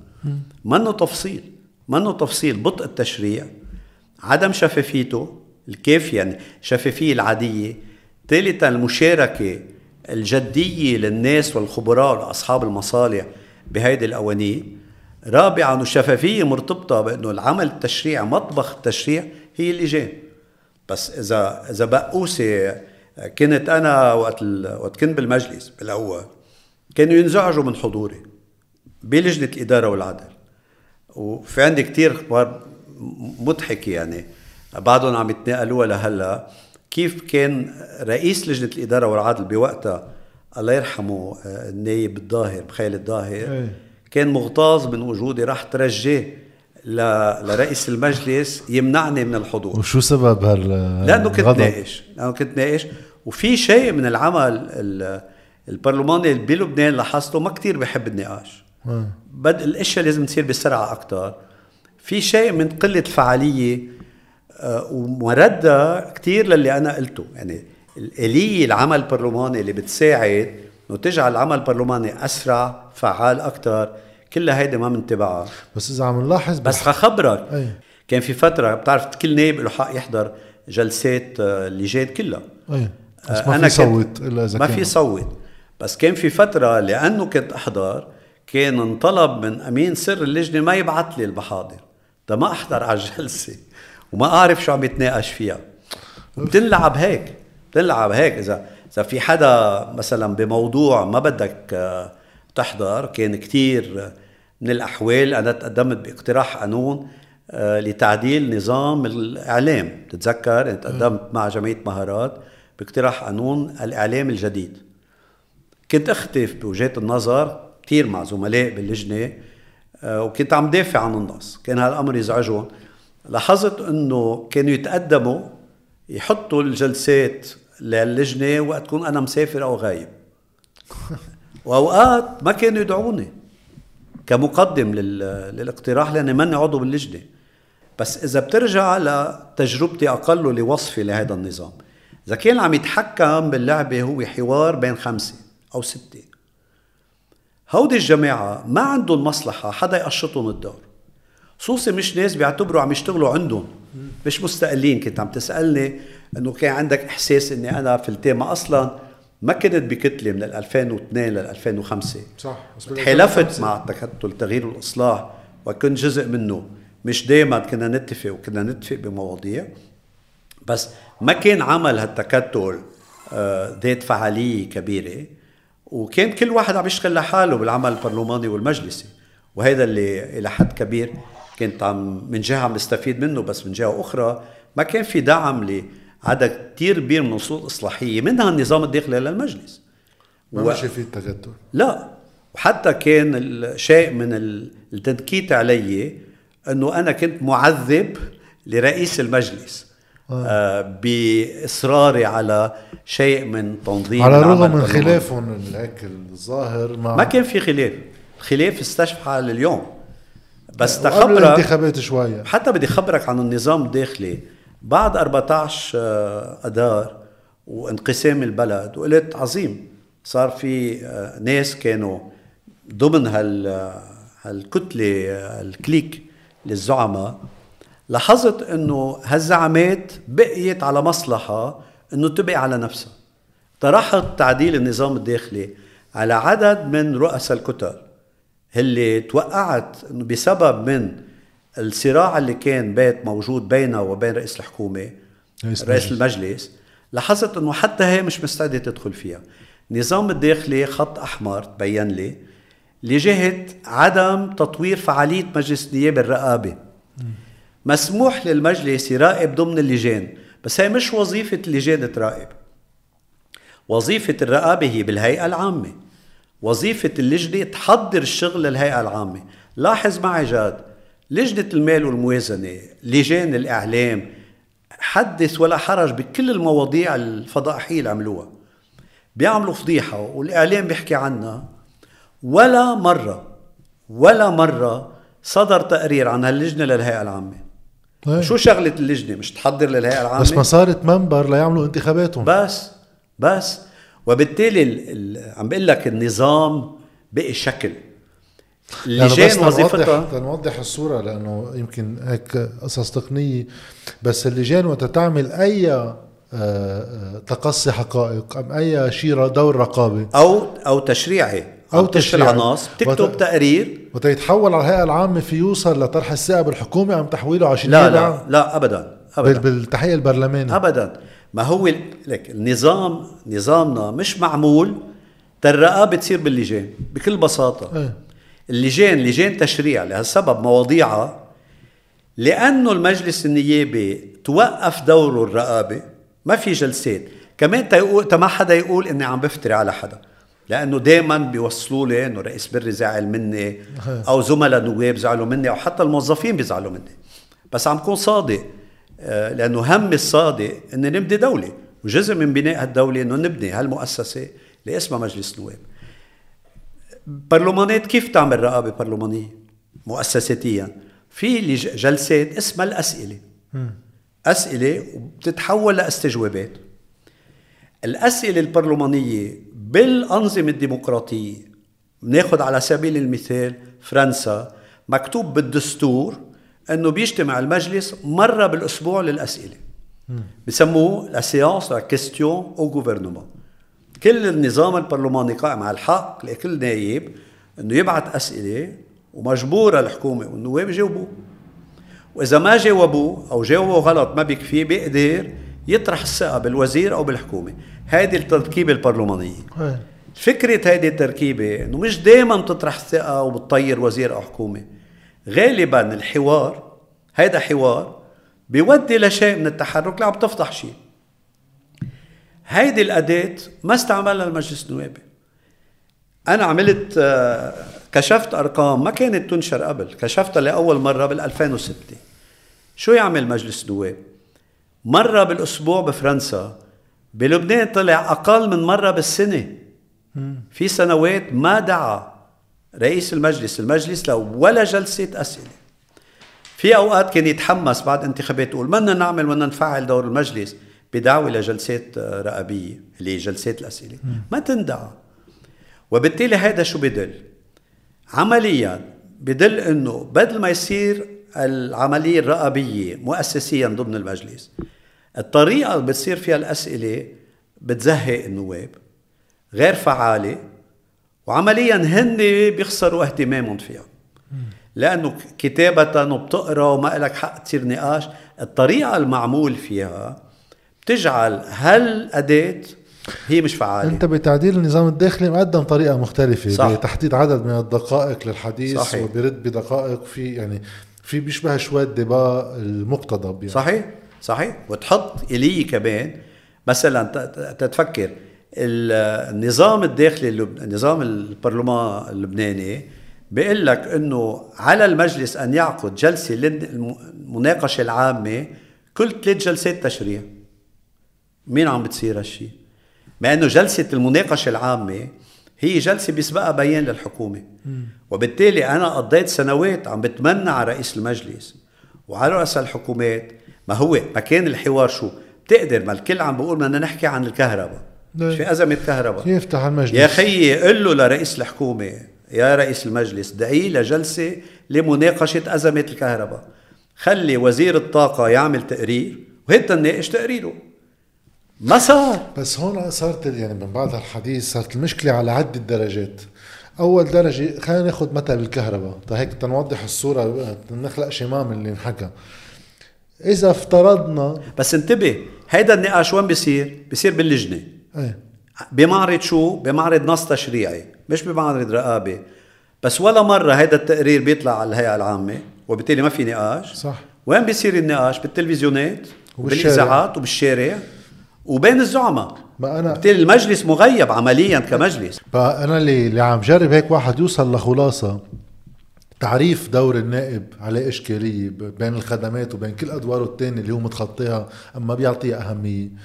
آه، علاقة النائب بالسلطة التنفيذية لإجراء هالخدمات وبناء البناء الزبائني كمان بت بتأطر دور الرقابة تلقائيا. بالشق التشريعي عندك الجهات البحثية والمؤسسية الضعيفة بالمجلس واستنسابية رئاسة المجلس بطرح مواضيع وعدم طرح مواضيع على النقاش أصلا حتى في يوصل لتسكير المجلس بكثير من المراحل. وبالجهة الرقابية النظام الداخلي اللي بهوليك كمان في كل إشكالياته كمان بتوصل لهون إنه استعاضة عن أي دور للمجلس منظم وبيوصل لمحل بآخرته يا لمساءلة يا وصولا لطرح الثقة. مختزل باللجان اللي ما بتوصل لمحل بالآخر. واللجان هي سرية.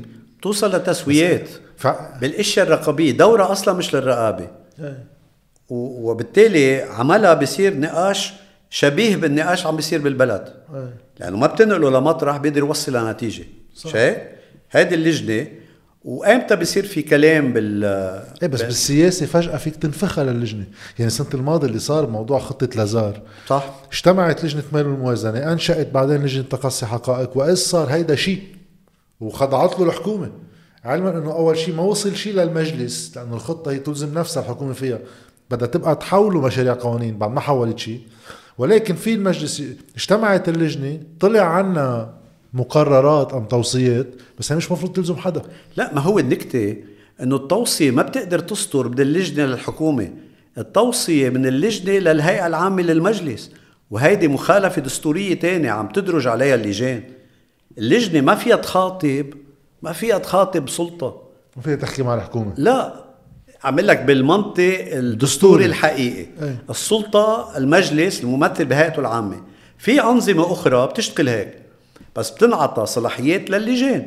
إيه. بنظامنا نحن الدستوري ما في صلاحيات معطاة للجان بالرقابة. هي لجان للتشريع. أخذت دور رقابة لأنه تعطل أو عطل الدور الرقابي للمجلس لأسباب ذكرناها. على فكرة هذا الموضوع كنت بدي أحكي فيه إنه هذا الشيء موجود مفروض نظريا بلبنان إنه الناس بتقدر تقدم عرائض وشكاوى للمجلس ويكون في تواصل مع المجلس. بس ما بيعرفوا الناس بالحق. وجربنا نطور استعمال الناس للحق عبر تجربتين. في تجربة حاولت تنظم الحق. أصلا نظام اقتراح النظام الداخلي بينظمها آه وجربنا بعريضة لقانون المفقودين عريضة قانون المفقودين وقعتها آلاف المواطنات والمواطنين وال- والجمعيات والأهالي المفقودين. ورحنا قدمناها لمجلس نواب وطلبنا أنه يندرج. تندرج العريضة على أول جلسة لمجلس نواب بعقدها. لسوء الحظ لم تعرض. كيف؟ لم تعرض. هيك؟ إيه لم تعرض. ما انحطت على جدول الاعمال وقتها تحولت على لجنة. ما هيدي الصعوبة؟ لأنه كمان في حق لرئيس المجلس إنه يحول عريضة للجنة مختصة. بس العريضة والشكوى اللي بيحول بيقرر تحويلها مش رئيس المجلس هو المجلس. آه. يعني بتعرض والمجلس إذا وجد إنه الموضوع بيتطلب تشريع فبيحول على لجنه إذا بيتطلب رقابة يمكن احدهم بيطرح سؤال. ما في في تركيبة يعني عم جرب اقوله يمكن بكل نقاشنا جد قد يبدو موضوع تعديل النظام الداخلي تقني وظاهريا ذات شأن أقل من هموم الناس. بل إنما تجربتي بتدل على أنه وحدة من العوائق لتفعيل دور المجلس هو هذا النظام اللي كله ثغرات اللي بيسمح بسبب من هيدي الثغرات أو بسبب من مخالفات درج عليها المجلس أنه يضمحل دوره الرقابة الجدي يضعف دوره التشريعي أو بيبقى له دور تشريعي. لأنه أحسن شيء مطلوب من المجلس إنه بالإشياء اللي بيتفقوا عليها الزعماء إنه يروح يعبي عليها. يعبي الفراغات. بالمواضيع الكبيرة القرار ما بيعود للمجلس القرار بيعود للزعماء.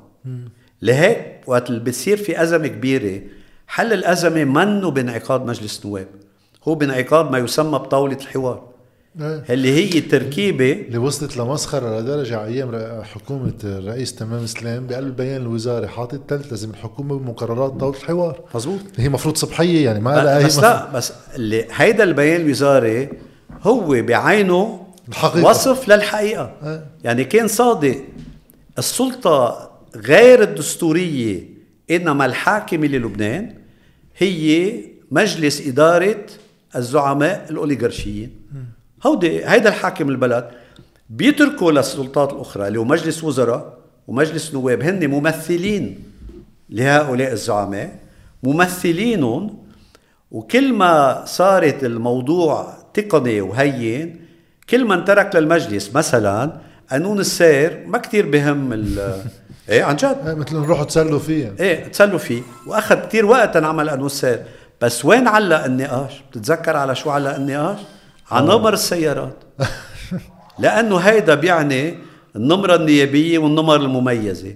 بس على كل شيء الجرائم وال- والسير والعقوبات وإذا عالية أو واطية كله هيدا عمل تقني صار. إيه. من دون تدخل حدا. أنا بدي أختم معك بشغلة قبل ما أرجع نصور معك شغلة صغيرة استكمالا لأنه في أسئلة على باتريون إجتنا من مجموعة من الناس بنسألك إياها عن قضايا محددة. عن عدد الجلسات مجلس النواب اللي كنت ذكرتها قبل شوي اللي ببين شوي حجمها وحجم قد شيء قليلة فعليا. ايات عندي شوي أنت وقفت شوي دراسه بوقتها بال 2010 صح. طيب. أنا كنت عملتها 2006 إنما جددتها 2010 بعدين ما أي. عدت لحد فنحن مثلا من خلينا نقول من 92 لل 2000 ب 8 سنين في عنا 96 جلسة. من بينات هول الجلسات في انتخاب الرئيس وفي انتخاب رئيس المجلس وفي انتخابات أعضاء اللجان كل سنة. وزيارات رؤساء. وزيارات رؤساء خارجيين. يعني ب- آه، أنا من شال شلت منهم 20 جلسة من هالنوع. يعني فعليا بيكون المجلس اجتمع الرقابة اما التشريع أما لا الرقابة أقل أقل شيء. قلت لك أقل من مرة بالسنة. إيه أنا جمعتهم كلهم بيطلعوا كلهم على بعضهم أقل من 80 جلسة. صح. ب 8 سنين. صح. والمعدل عم ينزل مع الوقت مش عم بيزيد لأنه آخر أربع سنين بدل ما يكون المعدل مثل فوق 45 جلسة بالأربع سنين صرنا 39 جلسة كمان فيهم انتخابات رئيس وغيره. ف ليش نظامنا أصلا مبني على قصة بالدستور محطوط بيجتمع بعقد عادي بأول نص من السنة وعقد تاني بتاني نص من السنة وبيناتهم في فراغات في واحد يدعي لعقود استثنائية رئيس جمهورية أما جهات أخرى ليش أصلا هذا الشيء موجود؟ ليك العقود عندها سبب تاريخي إنه بالقرون القديمة آه، القرن السابع عشر بدك تفكر إنه هيدي مأخوذ عن التقليد الفرنسي أو الأوروبي للبرلمانات.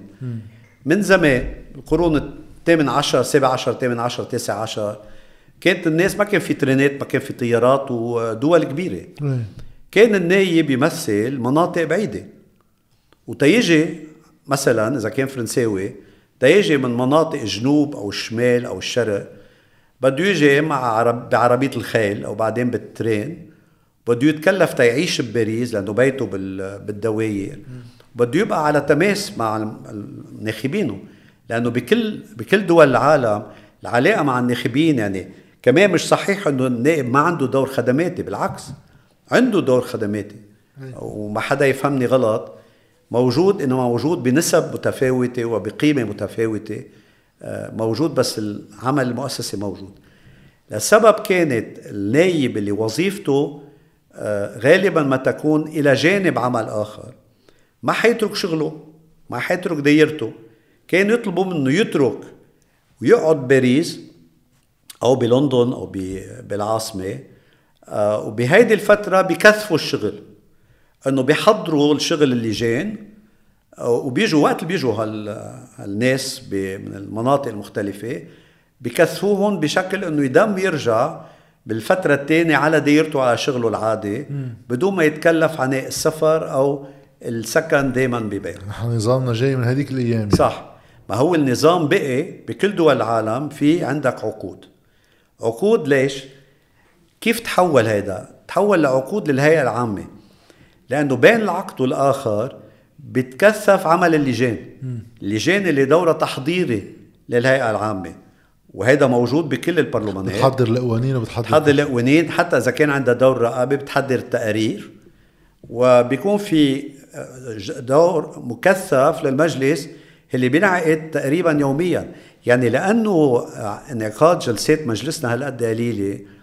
واحد ما بيفكر إنه بدول عادية البرلمان بينعقد من الاثنين للسبت قبل الظهر وبعد الظهر وأوقات بالليل. إيه؟ يعني نحن وقت بينعقد اجتماع مجلس بهيئة العامة الصحافة بتحكي عنه قبل بشهر بدها ما تحكي عنه بعد بشهر من الجلسة. لا واصلا نحن عندنا في شغلات بديهية يعني حتى نقاش بيان وزاري مناقشته. أما موازنة بصير في اتفاقات إنه واحد من كل كتلة يطلع يحكي وبحط وقت وما في نقاش وبدنا نخلص الجلسة اليوم. صح. مش بس هيك بيبقى هالقد متراكم نصوص. إنك توصل للهيئة العامة آه، صدقا بيتحول آه، سدفة هالقد وراء بدهم حمال تيحملون. آه، النايب اللي مش مشارك بالجلسات ما بيعرف شي فيهم. ولا اللجان بتبعت تقرير مفصل. أنا شايف تقارير لمواد قانونية بالبرلمانات اللي بتحترم حالها بيبقى 150 200 صفحة. تقرير 150 200 صفحة. بيقول كل المسائل انطرحت شو كانت الخيارات هيدي قد بتكلف يعني في كل عناصر القرار موجودة بالتقرير للي بده يقراها. عندنا بيطلع قانون كتير مهم بموضوع بكل مواضيع مهمة. تقرير وما بيتجاوز صفحة اثنين إذا كتر ثلاثة. وبالتالي النقاش عادة كل النقاش صار باللجنة وكأنه ببلش عن راديو جديد بال بالهيئة العامة اللي بيعود لشيء من نزع إمكانية المناقشة بالقانون. لأنه ساعه بتعرض على مجلس 60 مادة قانونيه 60 نص قانوني آه بده يجرب يخلصهم بنهار واحد وما عنده وقت وبتعملها بجلسة قبل الظهر جلسة بعد الظهر. مش كل النواب بيجوا بدك تجرب تربطهم. ما يفلوا. هيدا النظام بيخلي التمريرة تحصل بصفقات والشغل الحقيقي للتشريع بيصير باللجان. إيه. وكل كتلة عندها واحد أو اثنين بيشتغلوا بالمجلس وبالتشريع الباقيين بيشتغلوا خدمات والب... في ثلاث أنواع كبار في ناس بيشتغلوا بالمجلس في ناس بيعملوا خدمات وفي ناس بيحكوا بالإعلام إيه. مش هيك عندك بروفيلات للنواب مقسمين بتبسيط كبير مثل ما قلت لك والكتلة بتركب آه، وعندك نواب بمولوا لأنه مش كل النواب. بمولوا الانتخابات فهودي بس في بيقعدوا عنا للجاي إشكالية باللي عم تقوله كمان إنه آه نوعية النواب يعني أنا بتذكر حضرنا جلسة سنة 2015 وقتها وهلأ رح أختم بسؤال عن فكرة حضرنا جلسة. هي كانت جلسة علنية بس نحن بحقنا نفوت كصحفيين بس الكاميرا ما فيها تصور. بقى بصير في نقاش بقدر للشيء اللي تسمى تشريع الضرورة. مجموعة إصلاحات كانت مالية. وبوقتها مقدم علي حسن خليل بصفته وزير مال مثل مشروع قانون بفتح اعتماد استثنائي بحوالي 3 مليار ونص دولار يعني. حاطط بالنص على موازنة ال 2014 بده 3 مليار ونص زيادة. أولا صار النقاش بالمجلس يعني يطلع على ما رح نسميهم أحسن ما نكون عم نستثني حدا لأنه كلهم طلعوا هيك بنفس المنطق. إنه كتير شيل النص.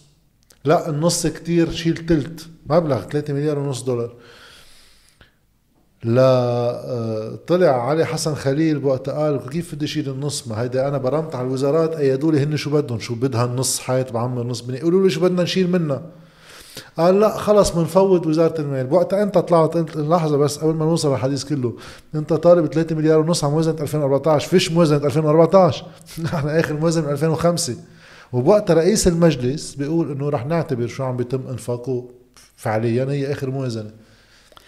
ليك عم- عصفورية فعليا. صح. وأنا وصفته وقتها بعصفوريه دستورية. ال- هيدا اللي بده يسمح لنا نفتح معك الاشياء اللي هو ربما من أهم الأدوار بيلعبها أي مجلس نيابي بالعالم اللي هو الرقابة المالية. إيه. مش هيك؟ اللي هو نوع من رقابه متخصصة لأنه بتحصل بمطرحين. بالموازنة بقطع الحساب. صح. بلبنان لأكثر من 14 سنة ما كان في موازنات ولاكثر من 25 ل 30 سنة ما في قطع حساب. وبالتالي نحن مثل جسم ما في دماغ ماشي بلا دماغ. وبلا رقابة. هيدا شو بيعمل؟ بيسمح لمتولي السلطة يعني للزعماء بصفقات يعملوا شو ما بدهم بسلف بسلف خزينة.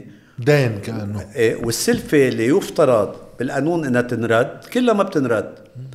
وبالتالي ما بعتقد إنه في دولة بالعالم هالقد وضعها مخربط دستوريا ونظاميا مثل الدولة اللبنانية والبرلمان اللبناني وقبلاني بهالشيء إلى حد إنه وصلنا لانهيار. إنه ليه الناس بدها تتفاجأ؟ وصلنا لهذا الانهيار اللي نحن فيه. وكنا بمجلس نواب الكل راضي إنه ماشي الحال. ما تعملوا موازنات وما تعملوا آه، قطع حساب. بتذكر عملنا دعوة لأنه ما كنا يعني بقول ليه ما عملت شيء يا أستاذ ما كنت بالمجلس؟ ما هي مضحكة. بقى وقتها اضطرينا عملنا دعوة آه، الرئيس الحسيني أنا شربي اللحاس وعدد من الوزراء السابقين والنواب والمواطنين تنقدر نسكر قصة الصفة والمصلحات قدمنا بمراجعة أمام مجلس شورى الدولة بخصوص؟ هذا العمل قلنا فيه.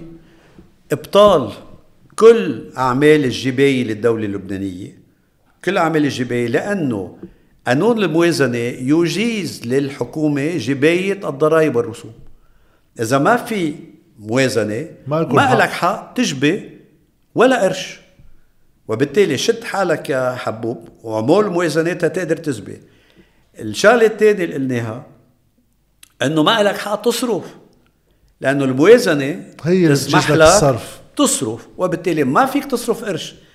وين بيعملوها؟ بأمريكا. بأمريكا في عندهم شيء بسموه شت داون بتسكر الدولة. بتسكر الدولة. إذا ما اتفقوا على موازنة بتسكر الدولة. عندنا شو بيصير؟ تكفي ما. بتصير موازنة. أوه بتكفي. وفي اخترعوا شيء اسمه القاعدة الاثنى عشرية.